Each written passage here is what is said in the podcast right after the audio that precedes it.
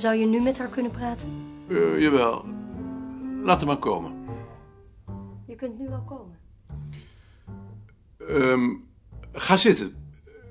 Ik eet gewoon door, want we moeten straks vergaderen en ik wou er nog even uit. Ja, natuurlijk. Ik wou dat baantje wel hebben. Dat zei Lien.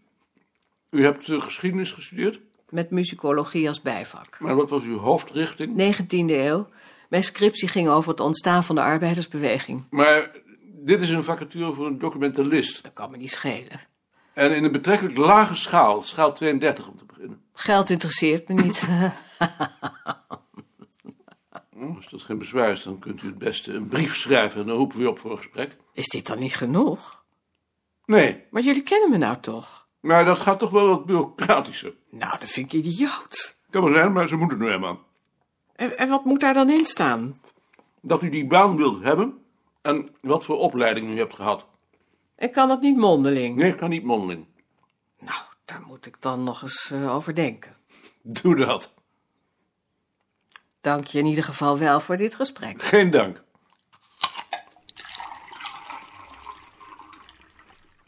Aan Maarten Koning. LS, ik wil dat baantje graag hebben. Ik heb geschiedenis, geschiedenis gestudeerd met muzikologie als bijvak. Met vriendelijke groet. Met vriendelijke groet, Rie Veld.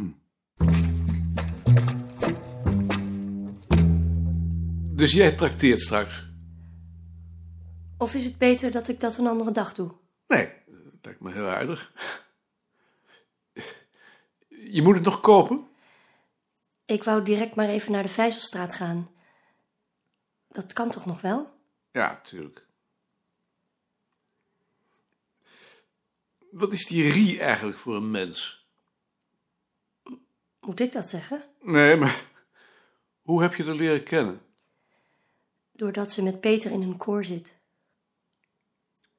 Maar ze heeft jou geholpen met je scriptie. Ja, Waarom deed ze dat dan, denk je? ik. Ik denk uit aardigheid. Maar je vond het niet aardig. Ja, ik vond het heel aardig. Je weet verder ook niks van haar af? Uit wat voor gezin ze komt? Wat haar vader doet? Ik geloof dat haar vader timmerman is en dat ze uit een heel groot gezin komt. Maar ze is al heel vroeg van huis weggelopen. Jouw vader is journalist, hè? Ja, maar hij is al dood hoor. Mijn vader ook. Ja, dat weet ik.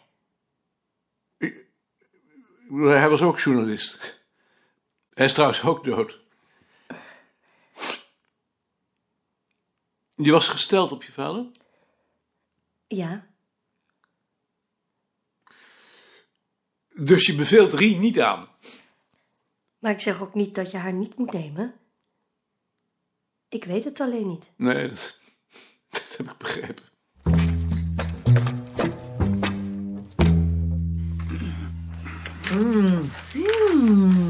is het bulletin verschenen. Valt me mee dat Freek dat artikel toch nog heeft afgekregen. Jammer dat hij weg is. Ja, hoewel het wel iemand met een gebruiksaanwijzing was. De eerste sollicitatie is binnen. Is het iemand die je kent? Ze heeft Lien geholpen met haar scriptie. Hi. Nu mag ik zeker wel roken, hè? Ja, nu wel. Hoi. Je thee. Dank je. Nogal eigenaardige sollicitatiebrief. Wat wil je daarmee doen? Ik wil hem maar oproepen. Sluit jij de deur, Gert? Ad? Ik kom. Papa, papa, papa. De taart van Lien is Lien. geslaagd voor haar doctoraal. Oeh, Gefeliciteerd, Lien. Ja, Lien, gefeliciteerd. Ja. Ehm, ik wou beginnen. Eh, jullie hebben allemaal het nieuwe nummer van het bulletin voor je liggen. Het is weer 35 bladzijden dikker dan het vorige. Niet in het minst dankzij de artikelen van Ad, Jaring en Freek, waarvoor hulde. We hebben er langzamerhand een volwassen tijdschrift van gemaakt. Applaus. Niet te min. Dat dacht ik al. Daar zat ik op te wachten. Eh, niet te min ontbreekt er nog wat aan het systeem van de boekaankondigingen. Ehm, ik heb daarover een papier laten circuleren met drie voorstellen. Eén, we laten het zoals het was. Wat wil zeggen dat we elke twee maand de boeken in een voltallige vergadering verdelen. Bezwaar daartegen blijkt dat niemand de boeken dan nog gelezen heeft, zodat er in de praktijk van een discussie niets terechtkomt.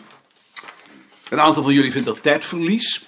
Ehm, twee, bij de rondgang over de afdeling legt degene die een bepaald boek wil bespreken er een briefje in. En Ad en ik bekijken of er geen doublures zijn. En wijzen de boeken die door niemand zijn geclaimd naar evenredigheid toe. Drie, Ad en ik verdelen periodiek alle boeken, rekening houdend met jullie belangstelling en draagkracht. Er zijn geen andere voorstellen bij mij binnengekomen. Ik breng deze drie dus in stemming als niemand nog een toelichting wil. Ja, Slim? waarom doe jij en Ad dat eigenlijk en niet Jaring? Jaring is toch mede hoofdredacteur? Jaring geeft er de voorkeur aan dat wij dat doen, omdat verreweg de meeste boeken voor ons zijn. Ja. Nog iemand anders? Eh, Ik wil nog eens terugkomen op die recensie-exemplaren. Ik vind het toch wel erg vervelend dat we die niet zelf mogen houden. Daar heb ik nog eens over nagedacht. Ik heb er geen bezwaar tegen om van een boek dat we gerecenseerd hebben... achteraf een recensie-exemplaar aan te vragen. En als we dan al een recensie-exemplaar gehad hebben, Dan is er niks aan te doen. dat vind ik toch wel heel onbevredigend. Dat is misschien onbevredigend, maar ik vind het nog veel onbevredigender... als we op die manier afhankelijk worden van wat uitgevers ons toesturen. Dan stuur je die mannen toch gewoon terug wat je niet hebben wilt. Ik vind dat wat wij in werktijd bespreken eigendom is van het bureau. Ja, dat standpunt ken ik.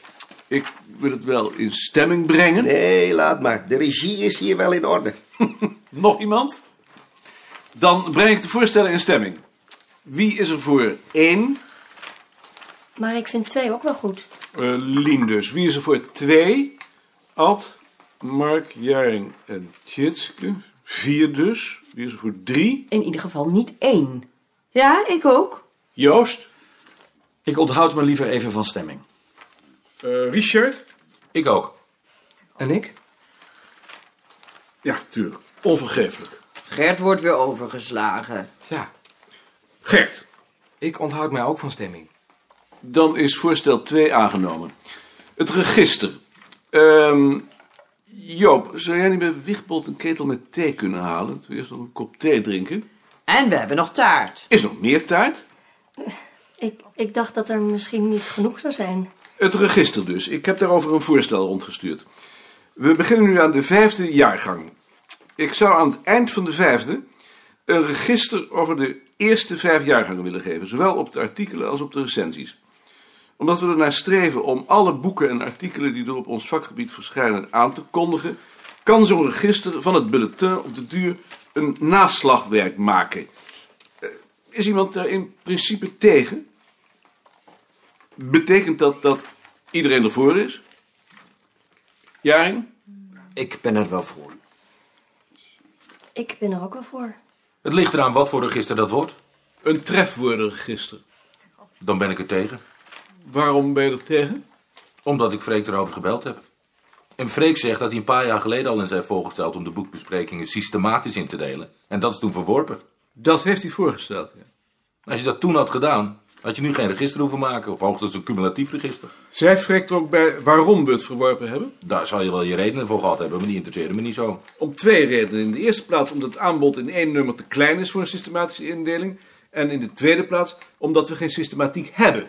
De systematiek die we hebben is verouderd. Dat is ook de reden dat we in de tijd niet met de systematische catalogus, maar met een trefwoordencatalogus zijn begonnen. Dat kan wel zijn, maar het overtuigt me niet. Als er geen systematiek is, dan maak je er een. Doe jij dat? Daar wil ik wel eens over denken. Goed. Kom jij dan in de volgende vergadering met een voorstel voor een systematiek? Maar zolang die er nog niet is, beginnen we vast met een trefwoordenregister. Is iemand daar tegen? Behalve Richard dan? Ik ben er ook tegen. Net als Richard. Nog iemand? Een trefwoordenregister dus. In dat rondschrijven stel ik voor dat Lien, Joop, Sien, Tjitske en Gert ieder een jaargang nemen, in die volgorde. Van die jaargang lichten ze de trefwoorden die we in de tijd gemaakt hebben uit het kaartsysteem en ze gaan na wat voor problemen dat geeft. Ik stel me voor dat we die dan vervolgens met z'n allen bespreken en dat ik er dan een eenheid van maak. Ziet iemand bezwaren tegen dat voorstel? Niemand? Ik vind het wel een goed voorstel. Dan is het aangenomen.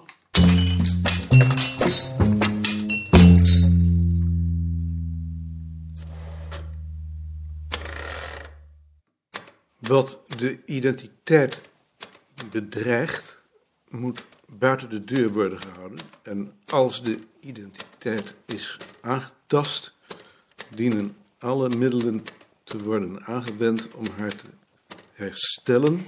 Je gaat toch zeker niet hier zitten tikken? Even, Nu moeder er is? het zit nu in mijn hoofd. Maar daar kun je toch wel even mee wachten? Nee, dat kan ik jou juist niet, want het is moeilijk. Maar wat is het dan? Een bespreking van het handboek van Zuiner en Gunterman. Een bespreek... Terwijl moeder hier is? Ik heb het ontzettend druk op het ogenblik. Het lijkt wel of jij gek geworden bent. Een bespreking voor het bureau. In je vrije tijd, in, in plaats van dat je er gezellig bij komt zitten. Een bespreking. Als je dat twintig jaar geleden verteld had, dan zou je je rot gelachen hebben. Hoor je me? Je zou je rot gelachen hebben. Ik lach me niet rot. Nou, en ik ook niet. Ik kan eerder wel huilen. Achteraf ligt het voor de hand om de standpunten van Zijner en Gunterman te zien als elkaar logisch opvolgende stadia in de ontwikkeling van ons vak. Die ontwikkeling loopt van een statische beschouwing, waarin de onveranderlijkheid uitgangspunt is, naar een dynamische, die de verandering in het middelpunt plaatst. Deze radicale verandering van perspectief moet voor iemand als Zijner, die zich een groot deel van zijn leven heeft bezighouden met het vastleggen van regionale verschillen en de herleiding daarvan tot historische cultuurlandschappen, moeilijk te verteren zijn. Niet in het minst door de emotionele betekenis die het langdurig voortbestaan van regionale verschillen voor hem heeft. Voor hem zijn ze in ieder geval in de jaren van zijn wetenschappelijke vorming de bevestiging geweest van de identiteit van zijn geboortestreek. Niet alleen ligt hij in het middelpunt van zijn wetenschappelijke belangstelling, de behoefte om aan te tonen dat haar bevolking een langdurig ongebroken verleden heeft, is beslissend geweest voor zijn standpuntbepaling in wetenschappelijke gedachtenwisselingen. In al zijn geschriften vindt men de hardnekkig terugkerende behoefte om volksaard of neutrale regionale identiteit te zien als een tijdeloze statische grootheid die de eeuwen door wel in nuance, maar niet van karakter is veranderd. Een van de taken die hij in het hier besproken handboek aan de Europese atlas toewijst, namelijk om een aan alle kanten verantwoord beeld, sick, van de indeling van Duitsland of van Noordwest-Europa in cultuurgebieden te schetsen, kan alleen tegen deze achtergrond begrepen worden. Zelfs als hij half tegen zijn zin toegeeft dat er behalve regionale ook sociale identiteit, sociale identiteit bestaat, relativeert hij die onmiddellijk weer door op het overweldigend overwicht van de plattelandsbevolking tot voor 150 jaar te wijzen en door de regionale verschillen priori prioriteit toe te kennen. Het is niet verrassend dat een dergelijke in wezen ahistorische aandrift omslaat in een politieke, in het geval van Zuiner, in een regionaal politieke stellingname. Wat de identiteit bedreigt, moet buiten de deur worden gehouden. En als die identiteit is aangetast, dienen alle middelen te worden aangewend om haar te herstellen.